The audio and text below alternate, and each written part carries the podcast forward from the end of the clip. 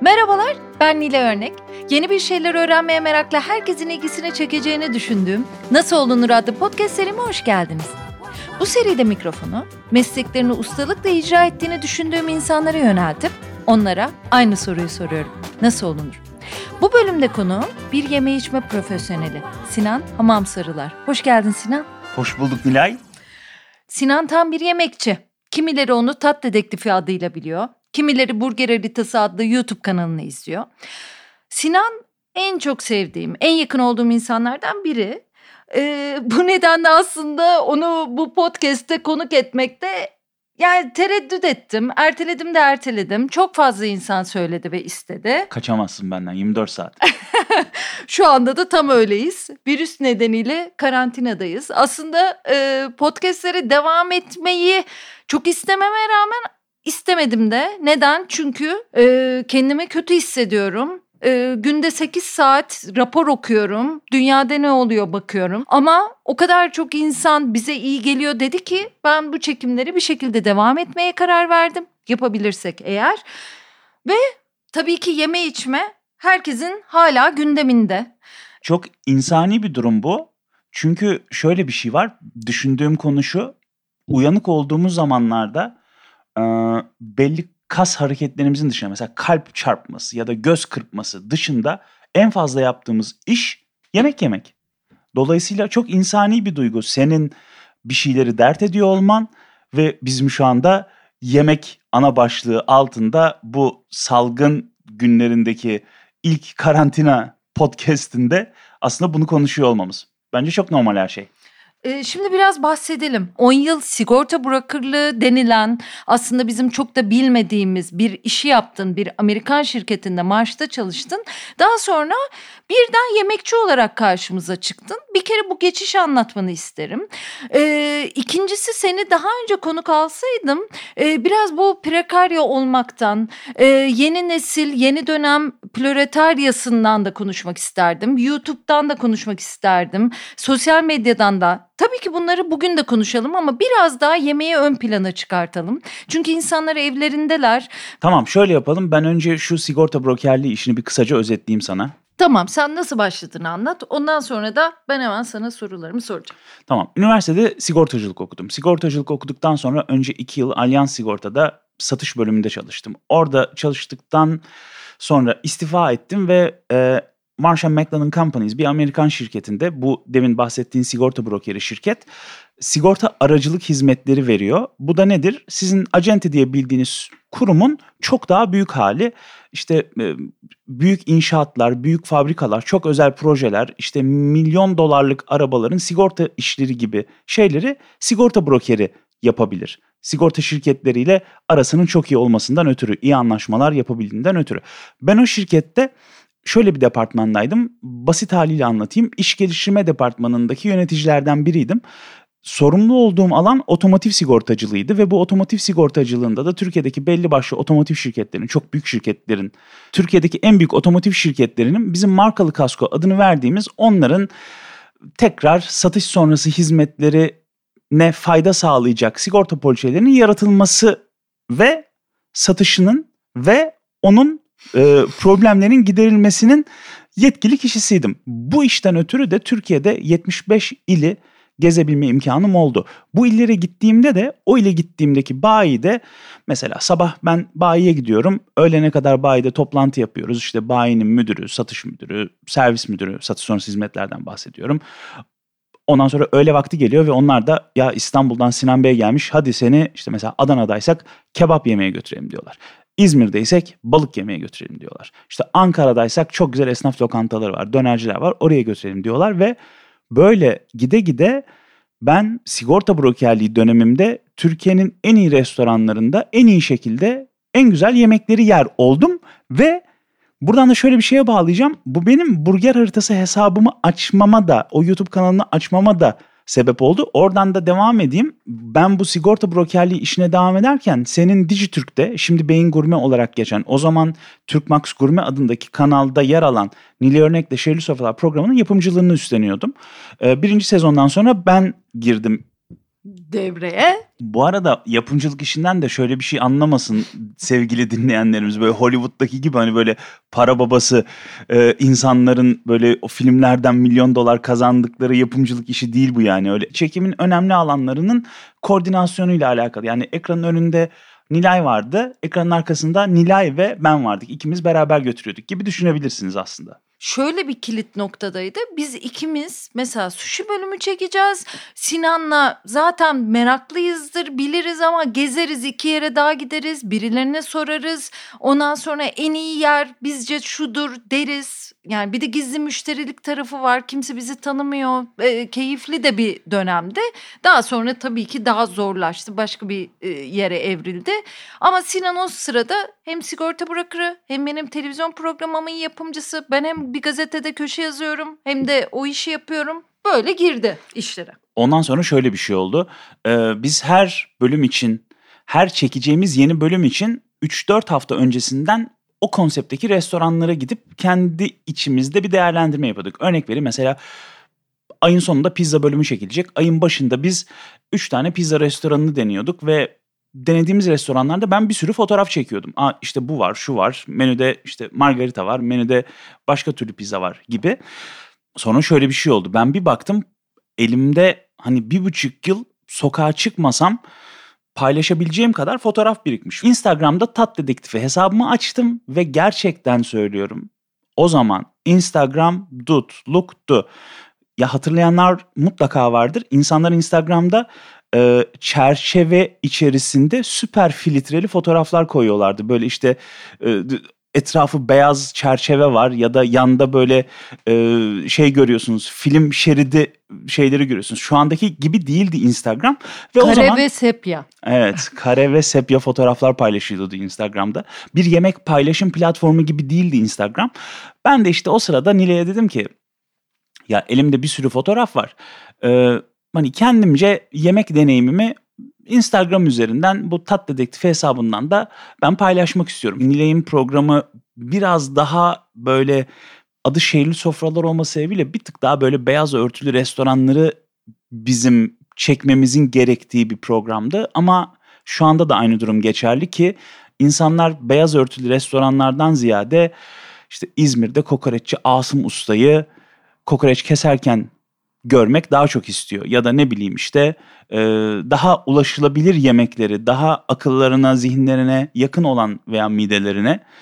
Ya da bütçelerine ya. Ya da bütçelerine de olabilir. Yemekleri görmeyi daha çok istiyorlar. Ben de bu Instagram hesabımı açmış oldum. Ben hafta içi mesela 3 gün şehir dışındayım. 3 gün belli şehirlere gidiyorum. Çok güzel yemekler yiyorum öğlenleri ya da akşamları. İstanbul'a döndüğümde canım hani İstanbul'da bir şey çekmiyordu. Çünkü hani iyi balık İzmir'de yiyordum. İyi kebap işte Adana'da yiyordum ya da iyi et Antep'te yiyordum. İşte Ankara'da harika dönerler yiyordum. İstanbul'a geldiğimde aradığım şey hamburger oluyordu. Çünkü bence hani bizdeki köfte ekmeğin küreselleşmiş ve belli kurallar içerisinde yapılıp kabul görmüş hali olan hamburger ya da burger diyeyim doğrusunu söyleyeyim. Çünkü hamburger peynirsiz olanı, peynirli burger peynirli olanı ben genelde burger diye tanımlıyorum. Burger benim hani İstanbul'daki e, İngilizce şey derler. Guilty pleasure derler. Gizli zevk gibi böyle e, İstanbul'a döndüğümde diğer şehirlerde bulamadığım şeyi yemek istiyordum. O da İstanbul'da burger oluyordu.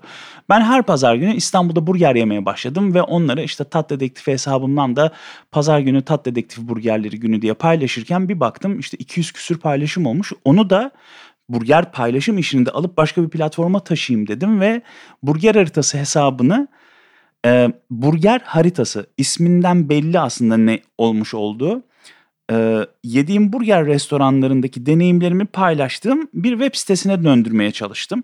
Ama insanımız çok bir şeyler okumaya meraklı olmadığından hani bu hele bu dönemde insanlar çok daha fazla izlemeye meraklı olduğundan okuma için yaptığım site çok ilgi görmedi. Ben de şöyle bir adamım. Hani kendimi o anlamda bir melek yatırımcı gibi görüyorum bu tarz işlerde. O yatırımı yaptım.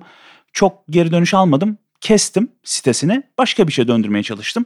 Ee, Instagram hesabı devam ediyordu. Ben dedim bunu bir YouTube'a taşıyayım. Hani öğrendiğim şeyleri, bildiğim konuları, aktarabileceğim detayları YouTube videolarıyla aktarayım dedim ve YouTube kanalını açtım Burger Haritası'nın.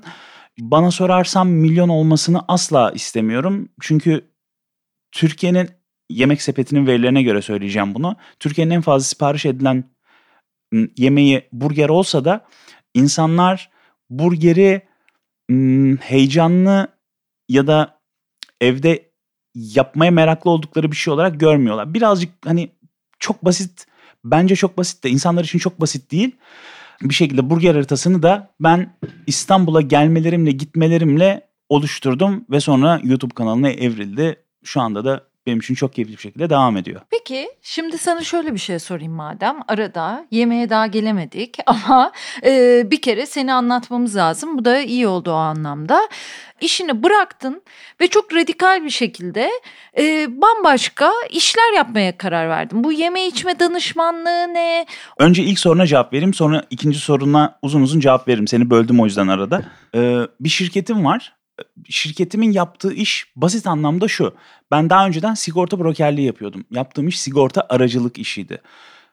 Bir sigorta riski olup da bir sigorta ihtiyacı olan kurumu sigorta yapabilen bir kurumla buluşturuyordum. Buradan aldığım kültürü de ben yeme içme sektöründe enteresan bir açık gördüm.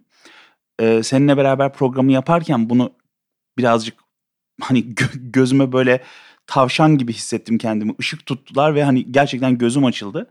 Teknik detaylarıyla yola çıkıp işini açan çok az insan var. Yani ben de dedim ki 360 derece yeme içme danışmanlığı veren bir şirket açayım dedim. Yaptığım iş şu aslında.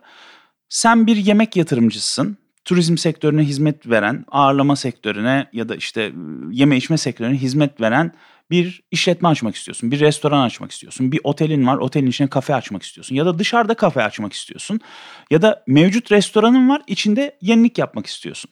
Okey, işte o noktada ben devreye giriyorum ve benim işte belli ekibim var, mimarlarım var mesela.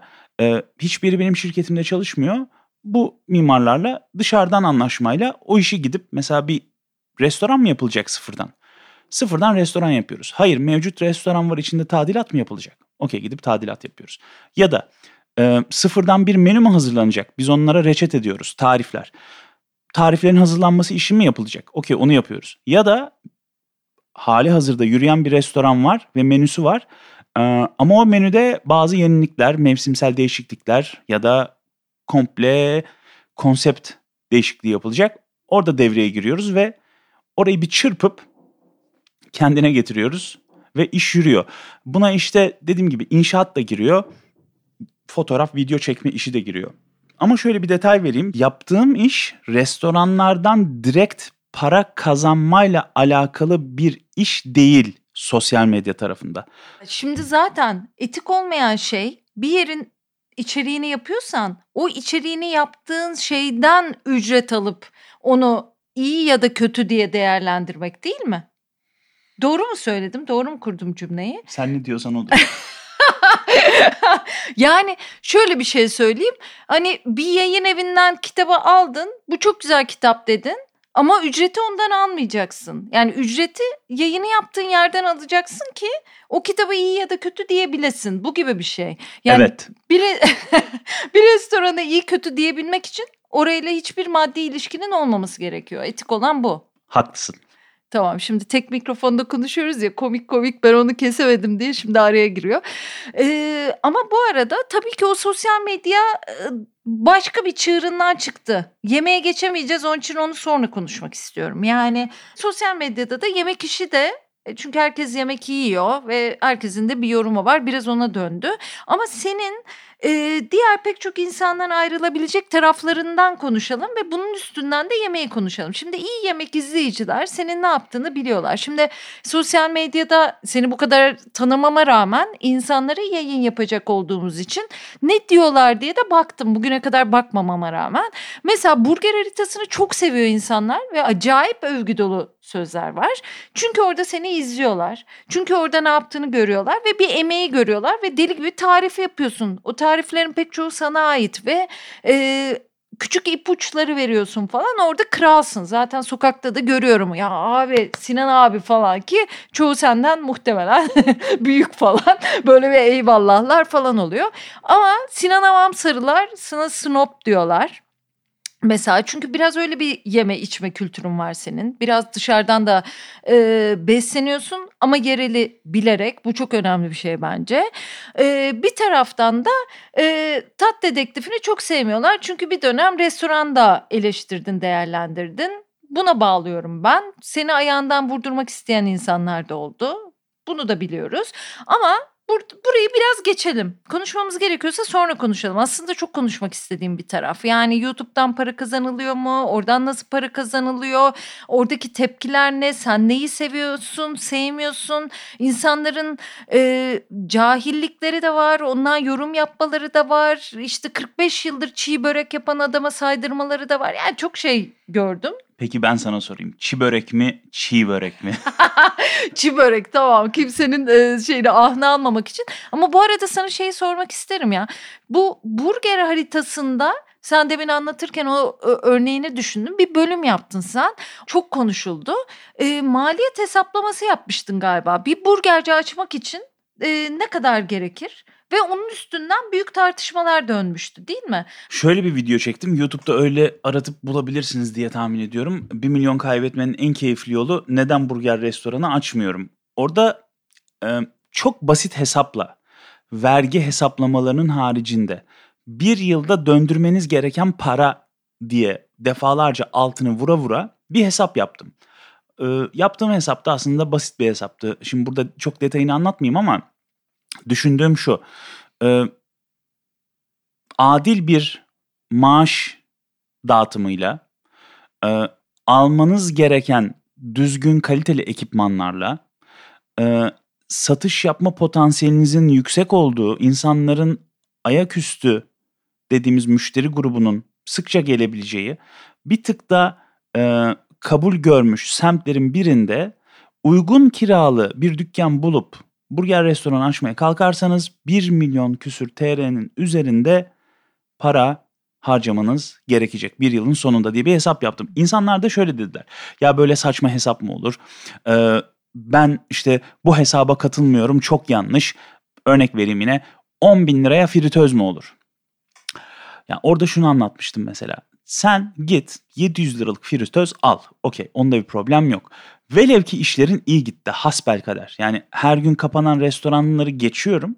Farz edelim senin işin iyi gitti ve hemen şöyle bir hataya düşüyorsun. Ben paket servise başlayayım. Ya zaten bit kadar dükkanın var. 50-60 metrekare dükkana sığmaya çalışmışsın. O dükkana yetmiyorsun.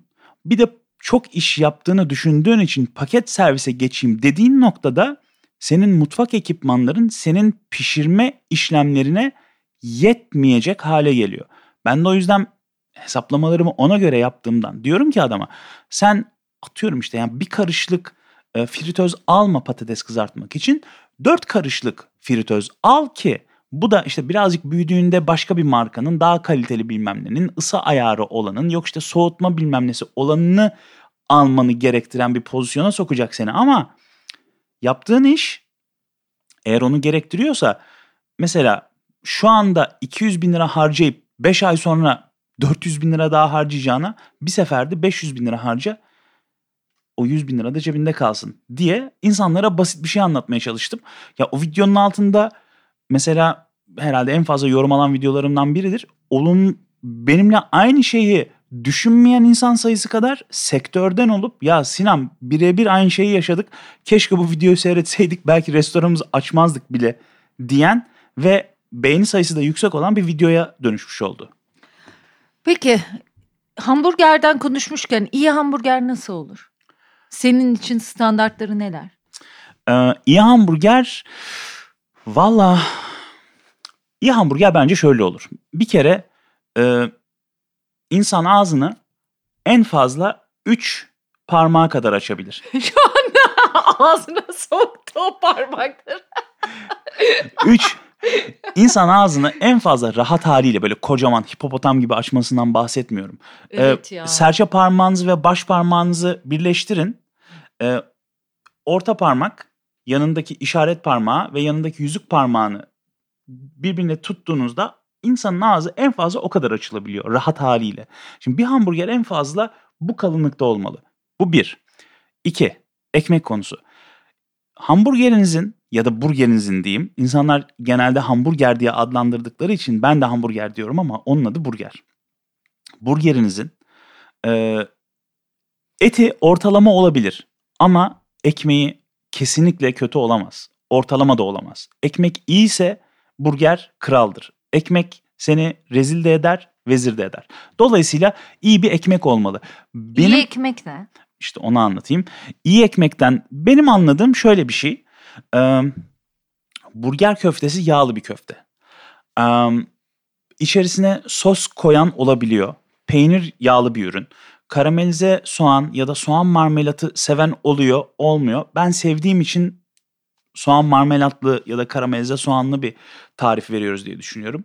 Şimdi sos var ıslak. Karamelize soğan ıslak. Peynir yağı veriyor ıslak. Köfte yağlı ve ıslak. Dolayısıyla senin ekmeğinin bütün bu ıslak ürünleri kaldırıyor olması lazım. Ee, tok ama bir taraftan da puf bir ekmek gerekiyor. Ben buna bulutsu diyorum. Benim öyle kendim uydurduğum bir terimim var. Bu bulutsu ekmeği sağlayan da genelde Fransızların brioche tarzı ekmekleri ya da Amerikalıların e, burger için ya da sandviç türevleri için yaptıkları e, patatesli sandviç ekmekleri ya da patatesli burger ekmekleri diyeyim. Şimdi burada e, patatesli burger ekmeği yapan Türkiye'de az olduğu için hatta neredeyse yok diyeyim yani Türkiye geneli için konuşuyoruz. İstanbul'da zorlasanız bulursunuz da Türkiye genelinde yok. O zor ama brioche insanlar yapmaya başladılar. Yani nasıl onlara gelen insanların ya ben daha olmadım dediği işi ben de şimdi e, tekrarlıyor olacağım. Ben burger konusunda hala bir öğrenciyim. Ama dersimi çok iyi çalışan hani inek bir öğrenciyim. Bir taraftan da çok eğlenceli bir, eğlenceli bir öğrenciyim. Diğer arkadaşlarıma da bir şeyler öğretmeye çalışıyorum. Ee, öğrendiğim konu şu. E, kesinlikle ve kesinlikle tek bir doğru yok. Pek çok da yanlış var. Ee, sen ekmeğini doğru yapmaya kalkarsan e, düzgün bir ekmek yapmaya başlarsan ya da senin restoranın ünlü oluyor diyeyim tutuluyor. Belli bir deneyim sürecinden geçtik işte 5000 saat kuralı, 10.000 saat kuralı ya da ne dersen de ona. E, o kadar saat burger yemenin, burgerle ilgili düşünmenin, burgerle ilgili kaynak okumanın, burgerle ilgili video izlemenin sonunda e, bir kültür edinmiş oldum ve o kültürde şunu gördüm. İyi burger dediğinde ekmek çok kıymetli, iyi burger dediğinde köfte çok kıymetli. İyi ekmeğe giden yollardan biri brioche, Diğeri de patatesli burger ekmeği. Demin söylediğim gibi patatesli burger ekmeği yapabilen Türkiye'de çok nadir. Ama brioche şu anda hamburger yapan restoranlarda, peynirli burger yapan restoranlarda ya da işte burgercilerde diyeyim e, bayağı tuttu. Herkes brioche benzeri yarı brioche ya da ekmekler yapmaya başladılar. E, domates konur mu, çiğ soğan konur mu, salata konur mu sorusuna da bu tamamen burgerin tarzıyla alakalı. Eğer smash bastırılmış bir köfteyle yapılan bir burgerse e, köfte kuru olabileceği için nemli malzeme koyman gerekebilir. Islak malzeme koyman gerekebilir. Bu da bizi domatese ya da işte yeşilliğe ya da e, kuru soğanın tazesine, karamelizesinden bahsetmiyorum. Götürebilir. Sos da konulabilir. E, benim favori burgerim diye bir şey yok teknik detayları doğru yapılmış tüm burgerler benim için keyiflidir. Peki patates sen patatese de takıksın. Çünkü hani ben anne patatesi severim. Sen böyle iki kere kızartmalar falan filan o işlere giriyorsun her seferinde. Çünkü patatesle ilgili şöyle bir konu var. Bunu aslında Türkiye'deki pek çok sebzede, meyvede, üretilen üründe, hububatta görebilirsiniz. Biz ürünlerin yani zaten Latince isimlerini bilmeye geçtim. Ee, gerçekten adlarını bilmiyoruz. Ya mesela ya Çengelköy salatalığı diyoruz. Yani kim Çengelköy'de bostan görmüş ki Çengelköy'de salatalık yetişsin? Günümüzden bahsediyorum. Öyle bir şey yok. Hani küçük boy silor salatalığa biz Çengelköy salatalık diyoruz. Onun da başka bir ismi var. Geçtim. Ee, patates konusuna döneyim. Konuyu da çok dağıtmadan Nilay bana kızıyor çünkü. Aldım mikrofonu diye. Şimdi patates konusunda da yani Güney Amerika patatesin hani ana vatanı derler ya. Tam öyle. Şimdi Güney Amerika'daki patates çeşitliliği bizim ülkemizde yok. Ama mesela Afyon'da patates var. Ödemiş'te patates var. İzmir'de. Ee, bu patateslerin hangisi yemeklik, hangisi kızartmalık? Ee, hangisinin kabuğu kalın, hangisinin kabuğu ince? Ee, mesela burger restoranlarının ya da genel yeme içme sektöründeki işletmelerin bildiği bir e, şehir efsanesi var. Kıbrıs patatesi. Mesela Kıbrıs patatesi süper kızartmaya uyan, e, fevkalade keyifli olabilecek bir patates ama biz bunların isimlerini hep böyle uyduruk adlarla bilmişiz. Mesela işte domates, pembe domates diyoruz. Yani o kadar çok domatesin pembesine dönük olan türü var ki alt türünden bahsediyorum.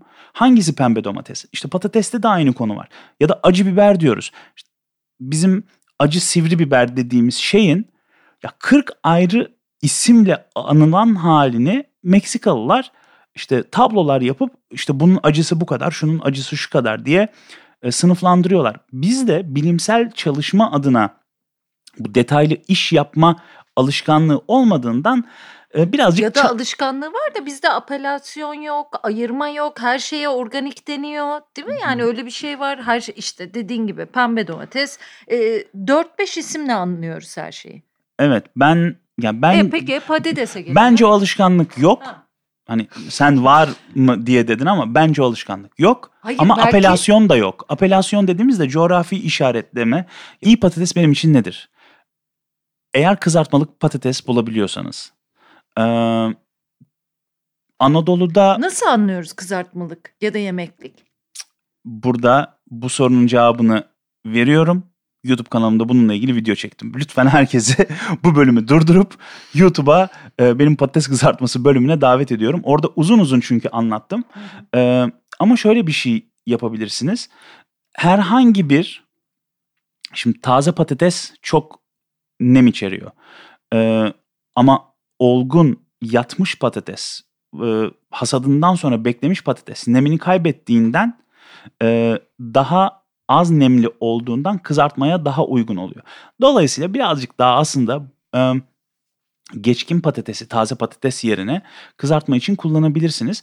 Benim burada işte hani temiz bir yöntem söyleyeceğim şey e, çift kızartma hatta üç kızartma benim en sevdiğim kesme patatesten bahsediyorum. Dilim cipsten bahsetmiyorum.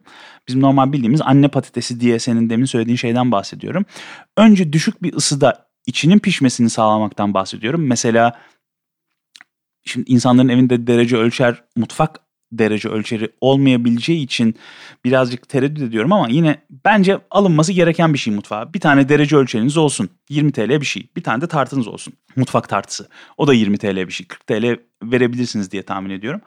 Ee, derece ölçerle önce 125-135 derece arasında patatesin içinin pişmesi lazım.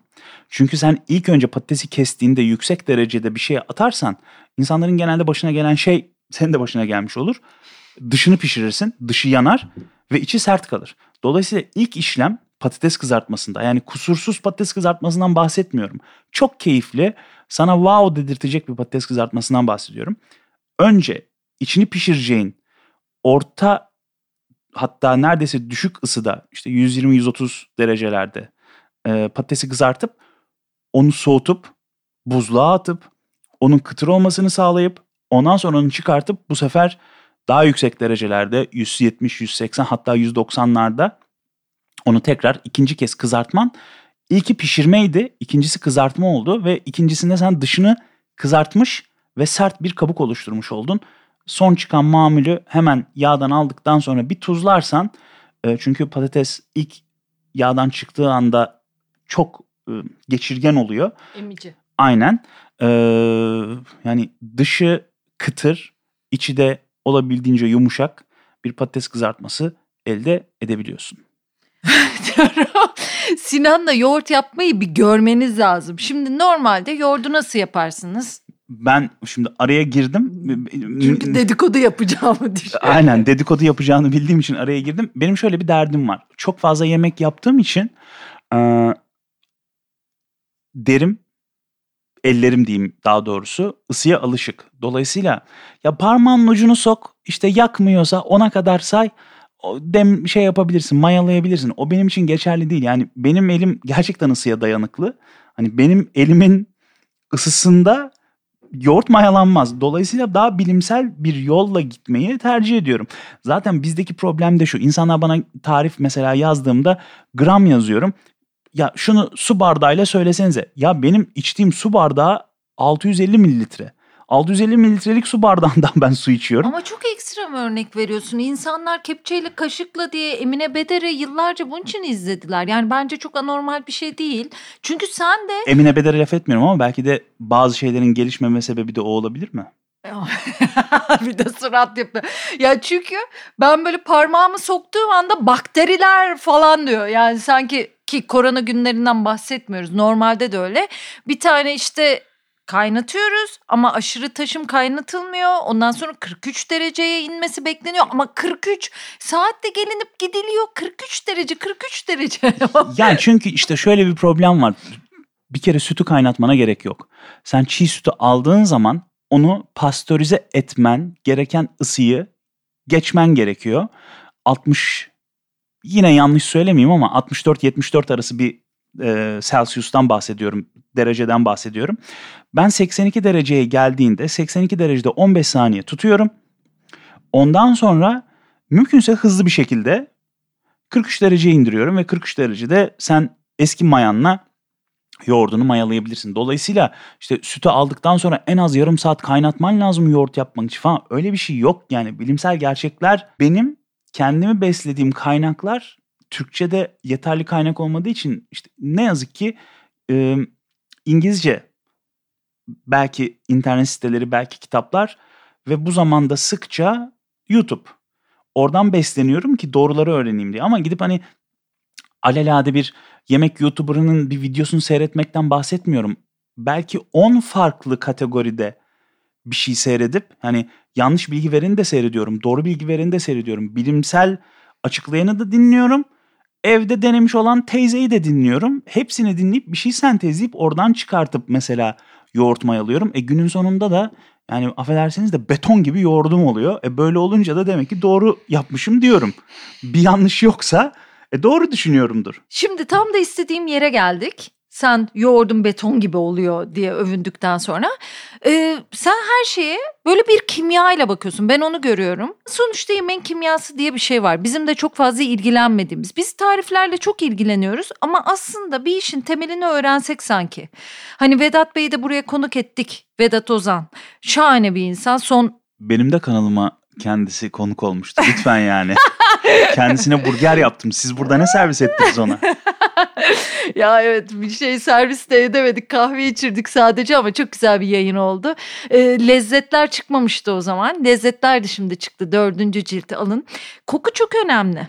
E, o işin asit tuz, şeker dengesi çok önemli. Yağlılık dengesi çok önemli. Mesela ben seni görüyorum. E, pek çok yemeği öyle değerlendiriyorsun. Sen o kimya işini biraz bize anlatsana. Şimdi benim düşündüğüm şöyle bir öğrenme tekniği var.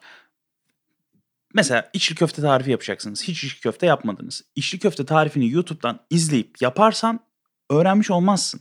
Sen onu taklit ediyor olursun. Ve bu taklit alışkanlığın ilk aşamasıdır ve sindirmen için çok uzun süre geçmesi gerekir. Çok uzun süre. Ben şöyle bir şey yapıyorum. Hatta bugün bir arkadaşım bana bu korona sebebiyle herkes evde kaldığından geçen hafta yaptığım focaccia tarifini sormuştu. Ona dedim ki yani videoyu attım ona. Otur izle dedim.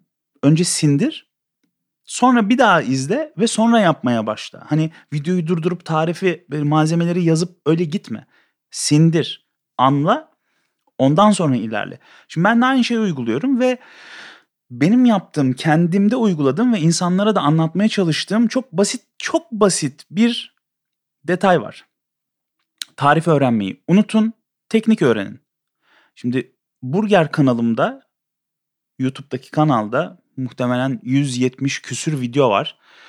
120 civarı burger tarifi vardır. İşte sos tarifleri, burger yancısı tarifleri de var. Yani 120 burger tarifi nasıl çıkar?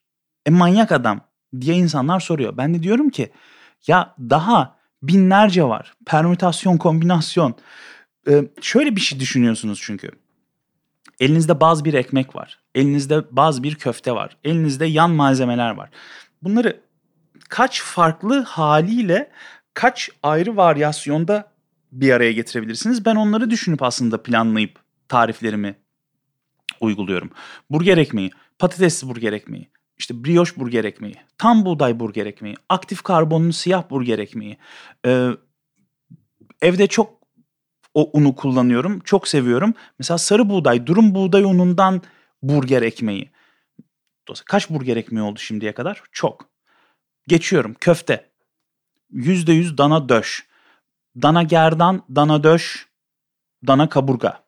Dana kaburga çık, kuzu kaburga. Sadece kuzu burger. Dolayısıyla vejeteryan hani, da yaptın. Vejeteryan kesinlikle yani senin de aklında bir şeyler uyandırıyor. Tarif sorsam zorlanırdın.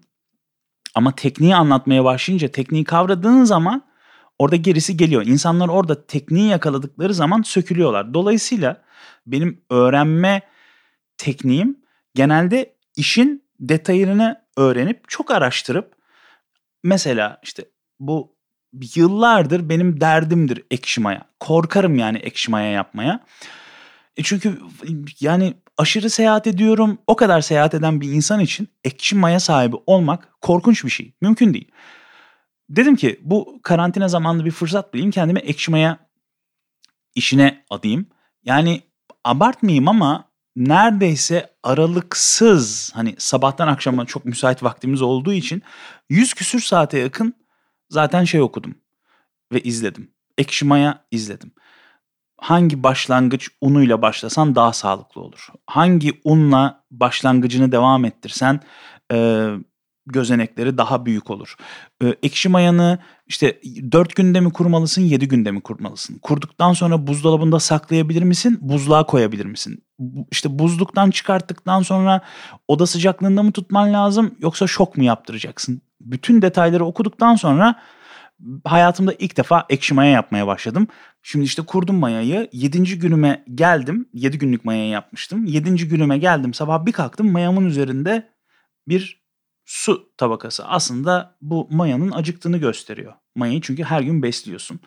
Ee, normal insanlardan gördüğümü söyleyeyim. İnsanlar böyle bir şey öldüklerinde kafayı yiyorlar. Aha mayam bozuldu. Aa işte çürüdü, zehirlendi, öldü diye düşünüyorlar. Ben yani okuyup pek çok bu işi yaşamış insanın deneyimini öğrendiğim için dedim ki okey bu deliler gibi aç benim bunu iki farklı şekilde beslemem lazım dedim. Mayayı ikiye böldüm besledim.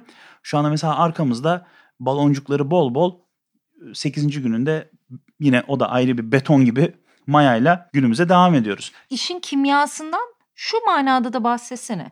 Yağ, tuz, asit dengesi aslında bir yemeği ya da güzel bir tabağı yapmanın formüllerinden biri o dengeyi sağlamak değil mi? Evet ben e, onu da şöyle bir örnekle başlayayım. İnsanlarda bir farkındalık uyandırayım. Ee, ilk böyle düşündüğünüzde normalde tuzlu bir yemekle tatlı bir şeyi bir araya getirmezsiniz. Değil mi? Ama öyle değil. Anadolu'da insanlar o kadar çok alışkın ki tuzlu bir yemekle tatlı bir şey bir araya getirmeyi. Mesela uzak doğu mutfağındaki tuzlu soya soslu yemeklerin yanında mesela işte kendilerince e, reçele benzetebileceğiniz acı biber soslarını, tatlı soslardan bahsediyorum. Kullanmalarının belli bir aslında mantığı var. Yaparken tekniği ne kadar kıymetli olduğunu anlattım ama yemeği yerken de, yemeği gördüğünde de ya da yemeği araştırırken de onun kimyasını anlaması çok kıymetli.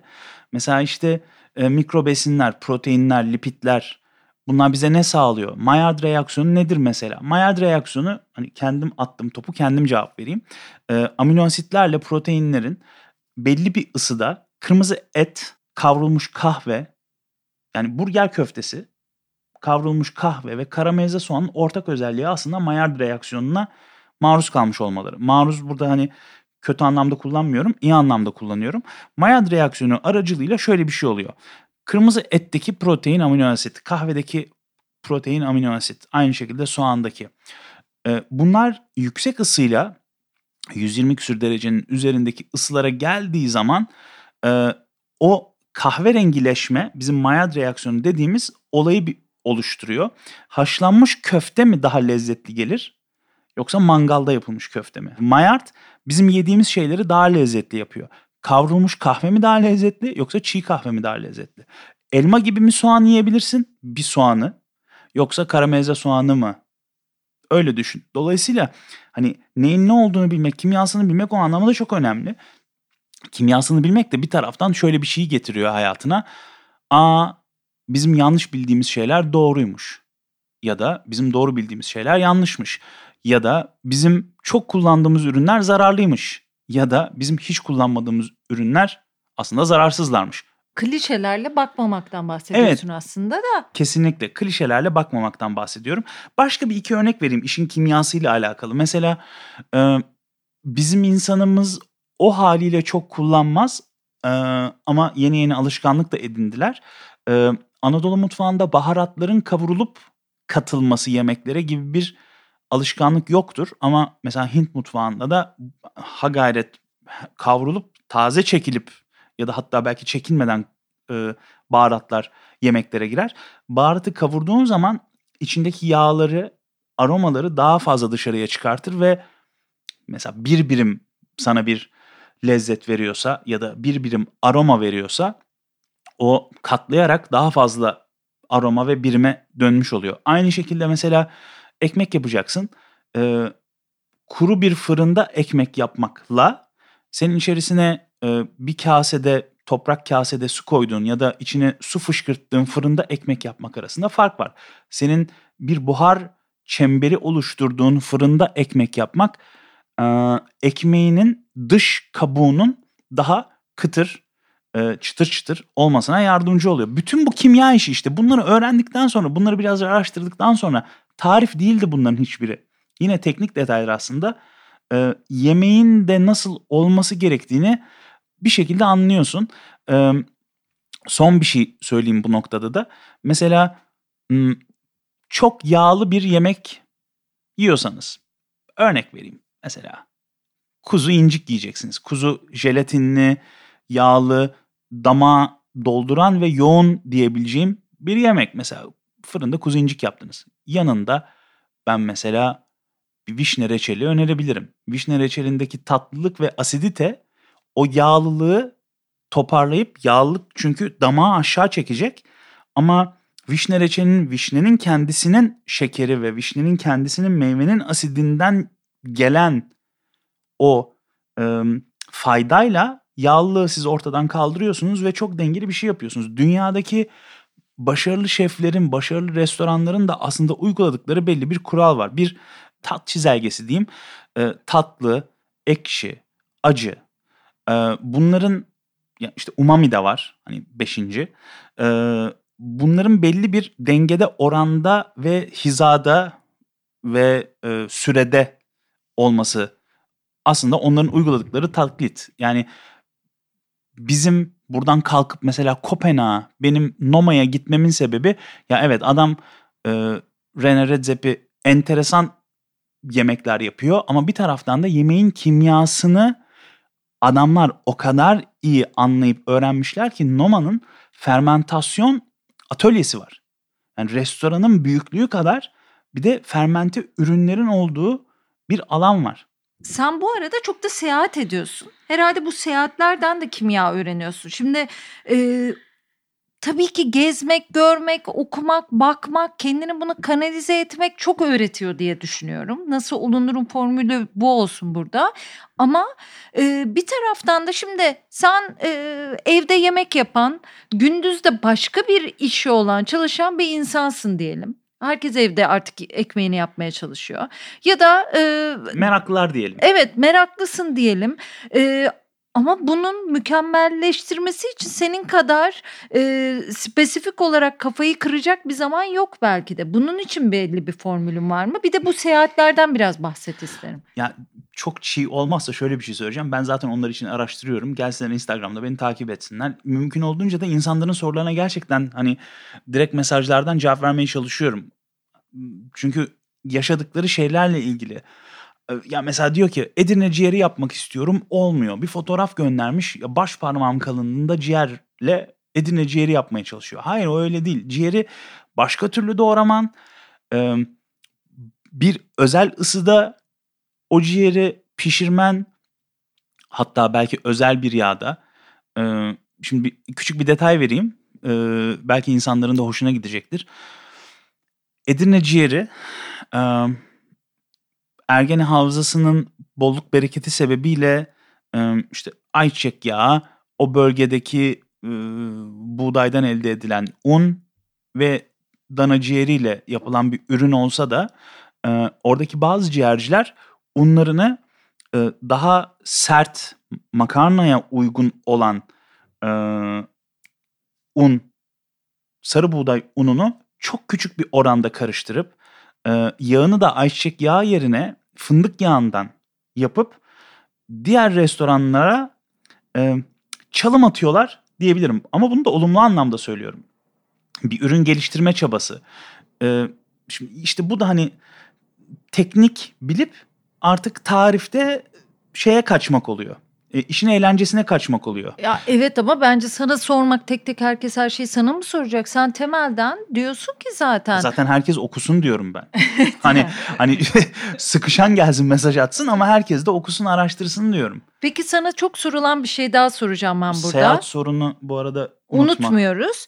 Domates sos yapıyorsun yazın kilolarca domates alınıyor, günlerce mutfakta kalınıyor, e, kavanozlar, acayip bir çalışmalar. Çok insan sana da sordu. Yapamayanlar sordu, daha iyi yapmak isteyenler sordu. Sen e, o sosları yapıyorsun, kavanozlara koyuyorsun, kavanozların üstüne etiketliyorsun e, hangi domates olduğunu, içinde hangi maddelerin olduğunu ve hangi yemeklerle uyumlu olacağını yazıyorsun. Tam bir deli işi. Türk Gıda Kodeksi uygunluğunda etiket hazırlanır itinayla. Hayır bu biraz o sos meselesini anlatsana Sinan. Domatesi seviyoruz ve yemeklerimizde çok kullanıyoruz. Ben endüstriyel salça karşıtı değilim. Daha iyi bir şeyin farkındayım. Ee, evde kendi domates sosunu yapmak. O yüzden yazın domates sos alıyorum. Şöyle bir şey yapıyorum. Çanakkale'nin armut domatesi diye yine bizim işte coğrafi işaretle adının belli olduğu ya da latincesinin kolayca e, işte tezgahlarda yerini almadığı için armut domates olarak adlandırdığımız gerçekten tipi de biraz böyle uzunca olan, ince kabuklu ama sert, tok bir domates olan, çekirdeği az olan domatesle domatesle dediğimde bu arada hani bir seferde minimum 60 kilo alıyorum. Geçen sene toplam 120 kilo yaptım. Ee, 120 kiloluk domates aldım ama çıkan son mamül belki 20 kiloya tekabül etmiyordu. Çünkü 1'e 5 oranında az bir ürün alıyorum günün sonunda. İçerisine koyduğum malzemeler aslında çok belli. Domatesi bir e, mutfak robotundan geçiriyorum. Geçirdikten sonra kaynatıyorum. 5 e, litrelik tenceremin içerisinde 1 litre kalıyor. 1 litre kaldığı anda içerisine tuz koyuyorum. Daha sonra mutlaka bizim yani zeytinyağı hayranı olduğum için içerisine zeytinyağı koyuyorum. O birazcık da böyle hem aromasını veriyor hem de onun yağlılığı sebebiyle zeytinyağı üste çıktığından bozulmasını da engelliyor. Ondan sonra da sterilize edilmiş kavanozlar burada çok önemli. Bu sterilize edilmemiş, steril olmayan kavanozlar sebebiyle zehirlenen insanlar var. Tekrar aynı kapağı kullanan insanlar duyuyorum, zehirlenmiş olanlar. Dolayısıyla sıfır kapak, cam kavanoz tekrar kullanılabilir, hiç problem yok ama e, metal kapakların tekrar kullanılması problem. Mümkünse tekrar kullanılmamalı. E, sterilize edilmiş cam kavanozlara kapaklarıyla beraber domateslerimi, soslarımı yerleştiriyorum. Mesela çok şey derler. Ters çevirin, çeksin. Mesela ters çevirme işinin de aslında gereksiz olduğunu gördüm. E, ters çevirmeden de sıkıca kapattığında, sterilize ettiğinde sıcak kapak e, günün sonunda bir şekilde vakum işlemi görüyor. O ters çevirmeden senin elde edeceğin avantajı veriyor. Nedir o? Ee, vakum etkisi, sızdırmazlık etkisi. Peki yakın zamanda sırf yemek için e, uzak doğuya gittin, e, Tel Aviv'e gittim atıyorum. E, İtalya'nın pek çok bölgesine gittin. Üstüne kuzeye gittin. E, çok tanıdığımız şeflerle, bildiğimiz şeflerle yemekler yedin. Anadolu'nun dört bir yanını geziyorsun. Büyük esnafçısın da bu arada çok seversin. Ee, döner çok seversin, kovalarsın. Ee, sen böyle bir karşılaştırma yapsana. Köfte seversin. Türkiye'de bayağı çeşit köfte olduğunu da biliyorum. Yaşasın ilk kesim döner. evet. E, sen biraz bize böyle bir karşılaştırmalar yap e, isterim. Şimdi geçen sene aynen. Um, yanılmıyorsam 19 ülkeye gittim. Um, bunların arasında Japonya, İsveç, e, Danimarka, İspanya, İtalya, Fransa vardı. E, temel gidiş sebebim bu ülkelere tamamen yemek. Sadece yemek için. Yani Şubat 2019'da Tayland'a gittim. Tayland'da bir tane sokak görmedim restorandan restorana gitmeye. Bu seyahatlerin tamamı yemek odaklıydı e, restoranları, yemek kültürlerini, farklılıkları, farklı ürünleri merak ettiğimden aslında bu yolculukları yaptım. Mesela işte e, Aralık ayında, Aralık 2019'da İtalya'ya gittik. Trüf turu için. Aslında Kasım'ın sonu Aralık'ın başına denk gelmiş oldu. E, trüf turunun ortasında da Milano'ya inip oradan Verona'ya geçip sonra tekrardan Alba'ya döndük ve trüf turumuzu yaptık. Bu sırada işte yolda da e, Massimo Bottura'nın yeni açtığı oteline gittik. Orada bir gece kalıp e, Massimo'nun bize kendisinin yemek pişirdiği, normalde restoran öğlen açık değil. Normalde Massimo kendisi yemek yapmıyor restoranda. Aşçıları var, şefleri var. Onlar yemek yapıyor. Massimo bizim için orada yemek yaptı. Şimdi böyle yemek meraklısı olan insanları gören şefler de benim onu görme, Massimo'yu çok sevdiğimden değil, işine saygı duyduğumdan. Yani yemeklerine de çok hayran olmadım ama yemeklerinin mantığına, e, adamın yemek sevdasına, yemek aşkına ben de çok takdir gösterdim. E böyle olunca adamlar da sana ya bu adam beni görmeye geldi, benim yemeğimi yemeye geldi diye hissedip bir keyifle yaklaşıyor. Anadolu'nun sana vaat ettiği şey çok basit, çok naif, çok sıcak, çok kucaklayıcı, çok sen, çok ben. Ee, bence bütün bu tarif, bütün bu reçete aslında senin damağında bir restoranın sana verdiği lezzetin belki %60'ını 70'ini oluşturuyor. Onları da aldığın zaman eğer ürün güzelse, güzel bir domates kesmişlerse, güzel bir ekmek yapmışlarsa ve zeytinyağına bandıysan bile o an senin için fevkalade bir yemek deneyimi anına dönüşebiliyor. Uzun ve dolambaçlı anlattım ama sonunu iyi bağladım. Aynen öyle oldu. Peki bize lezzet olarak örnekler versene. İlla restoran, mekan ismi vermek zorunda değilsin. Ama ürün ismi verebilirsin biraz. Kemerlerinizi bağlayın. Buradan sonra combo yapıyorum. Ben sizi İstanbul'dan bir yolculuğa çıkartacağım. Ee, Trakya'ya doğru rotayı belirledim. Trakya, Ege, Akdeniz diye sonrasını devam ettireceğim. Şimdi aklımda şöyle bir şey var. Bir kere e, küçükbaş hayvancılık özellikle Marmara bölgesinde hem kuzeyinde hem Güney Marmara'da çok gelişmiş olduğu için e, büyükbaş da aynı şekilde süt ürünlerini, peynir ürünlerini Trakya'dan itibaren ve özellikle işte Neşe ile Berri'nin de uzun anlatımıyla dinleyenler anlamıştır diye tahmin ediyorum e, Balıkesir'deki peynir zenginliğini asla ve asla kaçırmayın. Trakya'da aynı şekilde. Trakya'da da fevkalade peynirler var. Ayrıca Trakya'nın ara köylerinde acayip ızgaracı lokantaları var. Hayatınızın en enteresan pirzolasını, hayatınızın en enteresan köftesini yiyebilirsiniz. Edirne'ye çıktığınızda e, yine insanların ben bildiğini tahmin ediyorum ama arada bilmeyenler vardır. Yine bir dem vurup geçeyim. E, kurabiyeler ve bir kere İstanbul'dan önce saray Edirne'deydi. Osmanlı İmparatorluğundan bahsediyorum. Saray mutfağının e, kültürünün tatlı esintilerini bulabileceğiniz e, tatlılar, e, ürünler, mamuller var. Ciğer zaten hiç demin bahsettiğim için oradan devam edeceğim. Çanakkale'ye geldiğinizde Gelibolu... Bu arada biraz etçil misin? Çanakkale'ye geldiğimizde Çanakkale'ye geldiğimizde Mesela e, Çanakkale Boğazı hala bence balık için çok zengin bir yer. Ee, orada birkaç işletme söylemek isterim. Mesela Gelibolu'da çarşının içerisinde Zafer var. Peynir helvası yapıyor. Mutlaka uğranmalı. Ee, Selahattin Kemerli Kızlı Sardalya diye bir ürün vardı. İnsanlar bazıları hatırlarlar belki. O işletme hala devam ediyor. Ben mesela konserve palamutumu, ton balığı değil. E, hala oradan alırım. Ançoez oradan alırım. Yani oradan alırım gerçekten. İstanbul'daki herhangi bir marketten değil. Gidip oradan alırım. Çünkü yazın çok seyahat ettiğimiz için oralardan geçebiliyoruz. E, ayrıca kargoyla da gönderiyorlar. Artık öyle bir dönemdeyiz. E, oraya uğramalılar. Bence e, feribotla karşıya geçtiğinizde Çanakkale'de uğranması gereken yerlerden biri ve Türkiye'nin en iyi deniz ürünleri restoranından restoranlarından biri Yalova.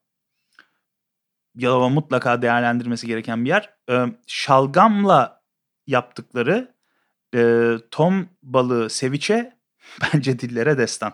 Seviçeyi de söylesene. Herkes bilmeyebilir. Seviçe e, belli deniz ürünlerinin e, asit ve tuz ile çok hızlı bir şekilde pişirilmesiyle hazırlanıp servis edilen Güney Amerika bazlı onların da aslında bir şekilde Japon mutfağından, Japon kültüründen esinlenerek hazırlamaya başladıkları bir yemek. Ee, çiğ balık salatası diyebilirim. Basit Türkçe anlatımıyla. Yalova restorana geldik. Yalova restoran Çanakkale'deydi. Kendimi bir tık aşağı vuruyorum. Balıkesir, zeytin cenneti. Ee, Balıkesir'e geldiğinizde Türkiye'nin en eski e, helvacılarının ikisi orada. E, çok güzel helva ve tahin bulabiliyorsunuz. Çünkü susam var Balıkesir'de. E, susam Balıkesir'de başlıyor. Hah, Akdeniz'e, ürünlerle Akdeniz, Akdeniz'e kadar devam ediyor. Ee, mesela işte Akyaka'ya geldiğinizde o Sakar geçidi vardır böyle döne döne döne döne döne döne aşağı inersiniz. Ee, şu anda mesela dinleyenler belki akıllarına getiriyorlardır. O Sakar geçidini indiğinizde düzlüğe çıktığınızda Ağustos ayının sonlarında böyle e, kızıl derili çizgi filmlerdeki kızıl derili çadırları gibi böyle birleştirilmiş e, bambu gibi sazlıklar ya da işte sazlık benzeri şeyler görürsünüz. Aslında onlar susam. Dolayısıyla e, susam hasadı yapılmıştır diye düşünebilirsiniz. Eğer o dediğim kızıl derili çadırlarını görürseniz. E, Balıkesir'den sonra orada susamı görebiliyorsunuz. Oradan da Isparta'ya kadar devam ediyor. Bütün Akdeniz boyunca. Sahil şeridinde değil bir tık yaylalara çıkmanız gerekebiliyor. Balıkesir'den devam ediyorum. Ee, bizim çok sevdiğimiz sucuk Yanturalı. Hala Balıkesir'de onlar. Oradan isim değiştirmedi mi? E, Yanturalıydı. Yanturalı Vedat Bey oldu. Şimdi tekrar Yanturalı. Bir aile içi problem yaşadılar ama şu anda Yanturalı Vedat Bey diye devam ediyor diye biliyorum.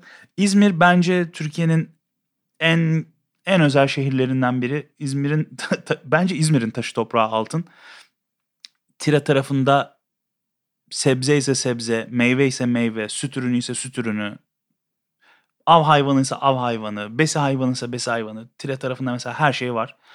Foça'ya geldiğinizde Türkiye'nin en iyi barbununu yiyebiliyorsunuz. Yani askerliğimi Foça'da yapmış biri olarak eski Foça'da orada yediğim barbunu balıktan bahsediyorum. Hala hiçbir yerde yemedim. Ee, Karaburun Körfezi'nin içerisinde ve Karaburun Yarımadası'nın tam karşısında olduğu için oranın balığı çok keyifli. Ee, İzmir'in Çeşme tarafında fevkalade deniz ürünleri restoranları var. Ee, Urla'nın içerisinde e, Urla enginarıyla özellikle kafayı kırmış. Olumlu anlamda söylüyorum bunu da. İşletmeler var. Bir de belki uğramanız gereken e, benim çok sevdiğim e, bir restoran var. Türkiye'nin en enteresan e, şef restoranlarından biri Od Urla. Mesela oraya da e, Yalova'yı anmışken orayı da söyleyebilirim. Bir de tabii bağlar var. Şimdi sen oraya e, geçmişken hani Urliçe var, bağları gezmek lazım demek lazım belki ben araya giriyorum ama Lütfen bir de gir. şey ottan bahsedebiliriz biraz. Mesela çok otçular, çok güzel otlar var ve çok güzel yapıyorlar. Yani Şevketi Bostan biz onu çok yapmayı, iyi yapmayı belki buralarda o kadar çok bilmiyoruz ama Marmara'da. Mesela İzmir'de Foça'dan bahsettin. Orada bir esnaf lokantası vardı ismini unuttum. Kabataş Harika mıydı yaparlar. acaba beyefendinin yaptığı köşedeki Kabataş İzmir, lokantası İzmir'deki mıydı? İzmir'deki esnaflar esnaflardan bahset birkaç. İzmir'deki esnaflar onlar zaten Sen çok seversin. insafsız esnaf. Onlar o kadar güzel yemekler yapıyorlar ki aklımı yitiriyorum onlara her gittiğimde. Ee, yani şöyle eğri oturup doğru konuşalım. Ege'de evet e, yeşilin, yeşilliğin, e, sebzenin bol olduğu bir yer ama onlara da sorsanız e, yeşilliğin bir mevsimi var. Dolayısıyla hani böyle 4 mevsim 365 gün yeşillik var diyemeyiz İzmir içinde. Baharda gidersen fevkalade var. Bulursun. İşte Şevketi Bostanı görürsün. Ya da işte Arap saçını görürsün. Ama Aralık'ta Kasım'da gittiğin zaman onları bulamazsın. Hmm. Ee, enginarın başlama zamanı bu küresel ısınma sebebiyle her sene bir saçma sapan bir yerlere geliyor gidiyor. Ee, ama dediğin gibi hani İzmir'deysen Ege'nin o tarafındaysan yeşillik bol. Aşağı devam ediyorum. Ee, Muğla'yı güzelliklerini kenara koyuyorum ama Antalya'ya geçeceğim. Antalya benim baba memleketim olduğu için Antalya'ya bayağı bir iltimas geçeyim. Antalya'nın şu anda artık çok zor bulunabilen ama eskiden tarımı yapılabilen fasulyesi var. Fasulyeden yapılan ve oradaki tahin sebebiyle insanların hani gündelik bir yemek haline getirdiği tahinli piyaz yani ben yememiş olanların hani bir şeyler kaçırdığını düşünüyorum. O derece farklı bir lezzet. İşte tahinin aslında topraksı tadı, senin ona limonla kattığın rahatlık, ferahlama hissi, domatesin şekeri, soğanın kendi acısı ve şekeri hani bence ya, yumurta. Yumurta. Ben bayılırım. Piyaz piyaz sevmezdim ben. Benim için olay Antalya piyazı.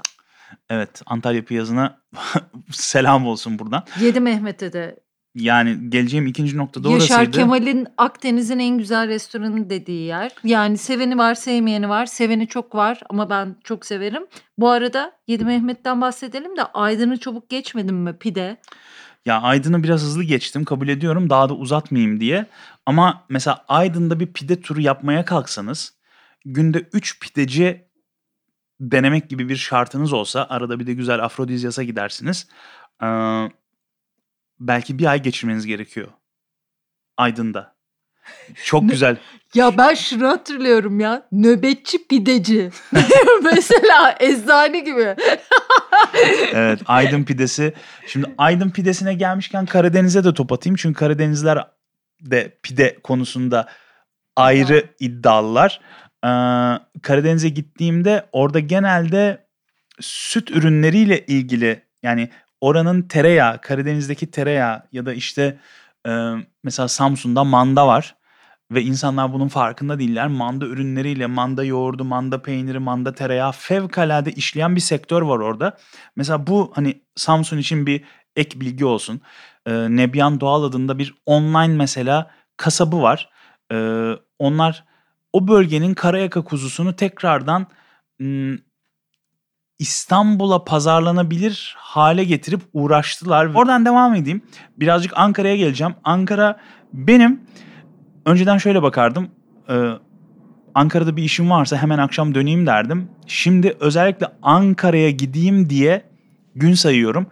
Esnaf lokantaları, dönercileri kendi içinde bence fevkalade kıymetli ve değerli. Ee, ayrıca Kalecik Karası üzümü Ankara ben çok severim. Onun da yine aynı şekilde altını çizeyim. Ee, söylemeden geçmiş olmayayım. Birazcık aşağı ineceğim. Adana, Antep, Hatay. Orası e, Bermuda kalori çemberi. Oradan e, şey çıkabilmek, kilo almadan çıkabilmek pek mümkün değil. E, Hatay'ı o anlamda e, ben Adana ve Antep'le beraber tutuyorum. Hani biri birinden aşağı ya da biri birinden yukarı değil. Bence üçü de farklı zenginlikleri olan ve yeme içme anlamında sizi kesinlikle ve kesinlikle hani boşa çıkarmayacak şehirler. Ee, oradan devam ettiğim zaman Şanlıurfa'nın, Diyarbakır'ın, Malatya'nın kendince hepsinin ayrı ayrı güzellikleri var. Mesela Erzurum'dan bal getirtiyordum. Bitlis'ten bal getirtiyordum. E, Tatvan'a e, peynir festivaline gittik. Hakkari'de köyünde e, neredeyse böyle çitlenbik gibi bir e, bitkiyle peynir yapan bir adamcağızla tanıştık. Fevkalade işler yapıyor ama ürününü bilen hiç kimse yok.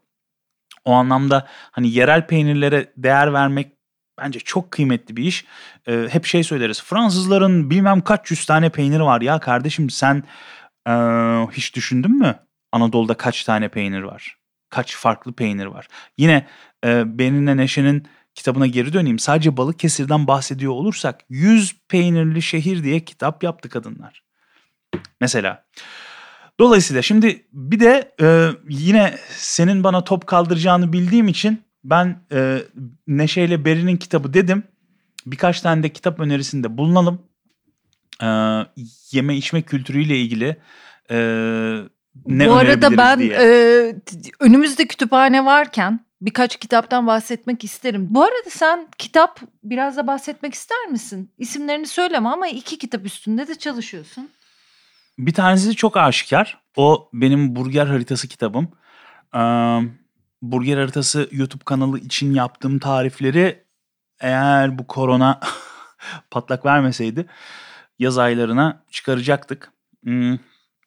Hala tariflerim zaten hazır. E, fotoğraf çekimleri ve baskı işi kaldı. E, o yolda. Bir de benim için özel olan bir yerle ilgili bir kitap yapıyorum. Onu söylemeyeyim tamam söylemesin ama biraz tarih var, tarifler var, ee, bir bölge var, o bölgenin yemek kültürü var. Biraz yemek kültürü kitabı aynı zamanda. Ben öyle kitaplarda sevdiğim için şimdi birkaç şey de önerelim dedik. Sen istediğin kitaplardan öner. Senin sevdiğin ayrı kitaplar var ama ben gördüğüm hemen gözümün gördüğü şeylerden e, bahsetmek istiyorum. Mesela ben Gönül Paksoy kitaplarını çok seviyorum. Bilmiyorum hiç baktınız mı? Biraz ben minimalist biri olarak yani hayranım kitaplara.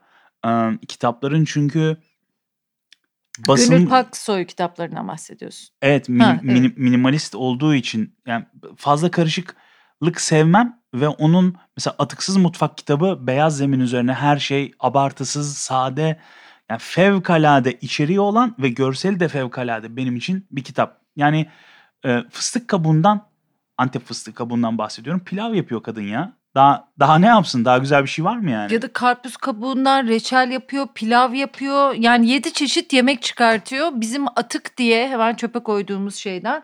Ee, Gönül Paksoy'un bir atıksız mutfağını ayrı öneririm. Türk yemeklerini ayrı öneririm. Onunla başlamak istedim. Önümüzde hazır bir kitaplık varken. Ee, böyle e, rastgele seçiyorum. Ee, Türkiye'de balık ve balıkçılık Karakin Deveciyan yani çok güzel e, bir kitap. E, onun dışında e, Sakatat yani Pelin Dumanlı. Et yemiyorsanız o başka bir şey de e, sakatatlara da ayrı önem vermek ve üstünde konuşmak isterdim aslında Sinan'la. E, güzel bir kitap. Daha önce burada bahsettiğimiz e, bir kitap. Çok insan e, duyup almış. Çok sevindim bir katkım olduysa. Takuhi Tomasya'nın Sofranız Şen Olsun kitabı Aras Yayıncılık'tan. Ben çok severim.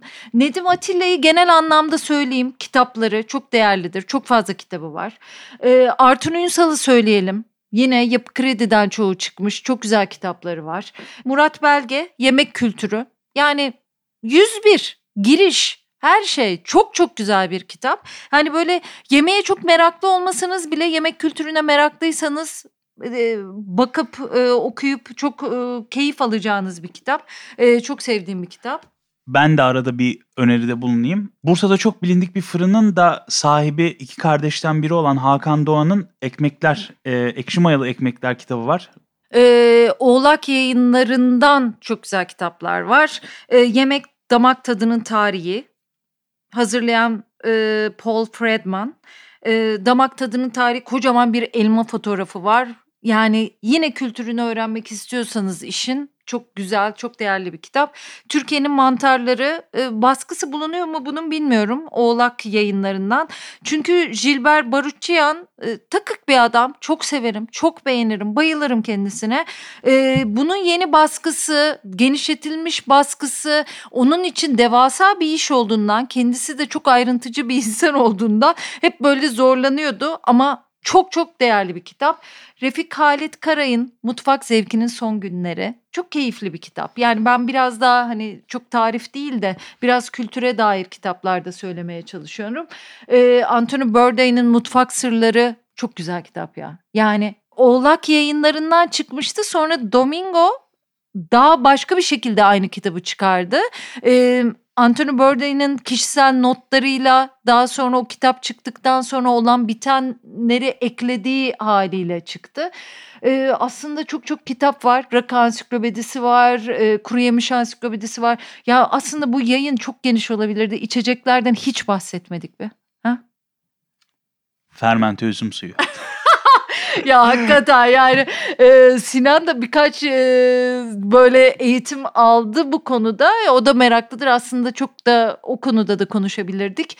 E, nasıl olunur Sinan ya? Yani baştan sonra sen işini bıraktın bir kere memnun musun? İlk önce onu sorayım. Şimdi sigorta brokerliğinin başka avantajları vardı. Yani düşünün bir Amerikan şirketinde çalışıyorsunuz. Ee, sosyal haklarınız görece iyi ve insanların 9-5 çalıştığı sıkıcı ofis hayatının haricinde yani benim gerçekten ya keyif alarak işe gittiğim bir hayatım vardı. Tabii ki kendi içinde zorluklar vardı ve şöyle bir dönemim vardı. Güven çemberinin içindeydiniz. Ee, insanların aslında rahat olduğu o konfor alanı dediğimiz şeyi o beyaz yakayken yaşıyordum. Onun avantajları vardı. Dezavantajları da e, belli bir geliriniz vardı ve İstanbul'da belli bir sosyal hayatı, çevresi olan bir kişi için o gelir gayet makul, mantıklı ve hani ne zengin oluyordunuz ne batıyordunuz. Öyle bir hayattı. Ne kazanacağınızı biliyordunuz. Ayın sonunda o maaş yatıyordu. Öyle bir hayattı o. Şimdi içinde olduğum hayat mesela bu korona gibi ya da işte geçirdiğimiz başka sosyal, kültürel vesaire olaylar gibi hmm, bazı şeylerden ağır etkilenip bir süre hiç iş yapmadan vakit geçirmenize sebep olacak size günler yaşatıyor. Ama işte bunun da başka avantajları var. Yani belki 3 ay hiç gelir elde etmiyorsunuz ama 4. ayda önündeki 6 ayı da toplayabilecek bir gelir elde ediyorsun. Ya da insanların belki hani çok meraklısından bahsediyorum. Binlerce TL para verip katılmak için can atacağı ama katılamayacağı çünkü öyle parayla satılmayan etkinliklere seni davet ediyorlar ya da sen meraklı olduğun için senin merakını fark eden o işi organize eden kişiler sana ulaşıyorlar ve sana gel diyorlar. Böyle güzel avantajları var ama işte dezavantajı da neyin ne zaman nasıl olacağı ile ilgili hiçbir şey bilmiyorsun. Senin elinde değil hiçbir şey. Ve şöyle bir şey vardı. Ben sigorta brokeriyken beni çevrem kadar insan tanıyordu. Ee, yaptığım şeyi görüp beni haksız eleştiren az insan vardı. Ee, şimdi ise insanlar seni m, kafa tasçı bir şekilde yargılayabiliyorlar ve senin hakkında hiçbir fikirleri olmadan ya da tam tersi seninle ilgili çok yanlış fikirleri olarak umursuyor muyum? Gram umurumda değil. Ama böyle şeyleri görüyor olmak bazı zamanlarda seni üzmese bile senin çevrende sana değer verenleri üzebiliyor. Ama ona da çok takmıyorum. Ee, avantajlarına geri dönüyorum. Bu, bu işin avantajlarına ve güzelliklerine geri dönüyorum. Ee, son 4 yıldır işte şirketimi kurduğumdan beri e, farklı. Gerçekten farklı. Hani farklı kelimesi böyle çok kullanılır da ya senin 260 günü seyahat edebileceğim bir gün işte böyle çadırda kaldığım hatta arabanın içinde uyuduğum ama bir günde hani böyle dünyanın en acayip otellerinin birinde kaldığım ya da kalabildiğim bir hayat yaşıyorum. Yani dibiyle zirve noktası arası fevkalade uçuk her anlamda. Keyfi de öyle, üzüntüsü de öyle, geliri de öyle, arkadaşlıkları da öyle. Ama hayatımdan şu anda memnunum. İşte böyle biraz risk almak gerekiyor. O riskleri bilmek gerekiyor, kaldırmak gerekiyor. Pişmanlıkları, aldığımız sorumluluklar e, ve kendimize güvenimiz derecesinde kaldırmak gerekiyor sanırım. Peki kendince bugüne kadar öğrendiklerinden bu yeme içme sektörü olabilir, bir işi bırakıp başka bir tarafa geçmek olur. Sen ne dersin? Yani nasıl olunur formüllerin senin nedir? Benim yeme içme insanı ya da yeme içme profesyoneli olduğumu bilen insandan bence çok daha fazla insan benim sosyal medya karakteri hatta işte influencer diyorlar. Başkalarını etkileyebilme potansiyeli olan kişi. Beni öyle görüyorlar. Ve şey gözüyle bakıyorlar. Bu influencer olmak güzel bir şey. Aa YouTube'dan para kazanılıyor mu ya? Bu herifler herhalde kazanıyordur ya diye düşünüyorlar. YouTube'dan para kazanmak, YouTube'da izlenmekten para kazanmak diye bir şey yok. Dolayısıyla yaptığın iş kadar aslında varsın. Ne kadar repüte olduğunla alakalı senin gelirin ve sosyal hayattaki konumun. Ben nasıl olunur kısmı ile ilgili şöyle bir yorum yapabilirim kendim adına. Ee, yapmamaya çalıştığım şeyler etik kuralları çiğnememek. Yapmaya gayret gösterdiğim şeyler öğrenmek için bütün kanallarımı sonuna kadar açmak. Çünkü öğrenmenin yaşı yok. Şu burger haritası işinde de söyledim. Hani bugüne yani 2019 yılında 486 ayrı burger denemişim, tatmışım. Şimdi bunun bir duru yok diyorum. Bunun bir sonu yok diyorum. Her gün bir şey öğreniyorum diyorum. Ben oldum dersem eğer zaten yandığım gün o gündür. Ee, öğrenmek için de e, insanın hani kendini bilmesi, kendini tanıması ve kolay öğrenebileceği yolları belirlemesinin yanında bir akıl verenin ya da bir bildiği, inandığı kişinin de yön göstermesini dinlemenin büyük faydası var. Ben işte burçlara çok inanmam ama işte ikizler üstü başak olmam sebebiyle hani bir taraftan böyle içim kıpır kıpır ve dengesiz bir taraftan da süper tertipli bir yapım var. Ee, önceki iş hayatım e, demin söylediğin gibi süper beyaz yaka tek tip takım elbiseden 10 tane, aynı gömlekten 20 tane, aynı ayakkabıdan 5 tane tarzında bir şeyken e, Mart başladı mı Ekim'in sonuna kadar şu anda şorttan başka bir şey giymeyen bir adama döndüm. E, ama bu işte senin demin de bahsettiğin o multidisipliner olmanın bendeki yansıması şu. Kendi hayatımın içerisindeki çoklu öğrenme fırsatları ya buna işte diyeyim ki Excel biliyor olmak da dahil yani. Hani pivot tablosunu biliyor olmak da dahil yani. Ama hani, bir de aşırı disiplinlisindir sen. E işte onları birleştirdiğin zaman hani hı hı. disiplin sahibi olmak, bir şeyi öğrenmek için heyecan duymak, e, sevdiğin işi yapıyor olmanın farkında olmak ve ona kıymet vermek e, günün sonunda sana kazandırıyor. Hani nasıl olunur diyemem ama nasıl olunur olma yolunda gittiğimi en azından ben böyle özetleyebilirim. Ya sen çok seviyorsun. Yani yemeği çok seviyorsun e, kendisini, ürünü öğrenmeyi bence en büyük sır burada. E, yemeği hepimiz seviyoruz ama sen takıklık derecesinde seviyorsun, peşinden gidiyorsun. Yani fiziken de peşinden gidiyorsun, zihnen de peşinden gidiyorsun. Kendini o şeye adıyorsun da. Ben bir işe bu kadar konsantre olan, o kadar aşkla bakan, bu ne iş olursa olsun e, insanları çok beğeniyorum, çok seviyorum. E, iyi ki geldin diyeceğim, çok komik olacak ama... E, garip günlerde çekiyoruz bunu aslında. Ee, böyle restoranlardan, yemeklerden bahsettik. Bugün üç arkadaşım beni aradı. Çeşitli e, restoranları var ve belki böyle giderse 2-3 aya kapatabiliriz muhabbetleri yaptılar. Ve ben çok üzüldüm açıkçası. Yani e, böyle de kapamak istemiyorum. Neyse inşallah e, bugünler geçecek diye düşünüyorum. Şöyle diyeyim ben. Bugünleri geçirelim.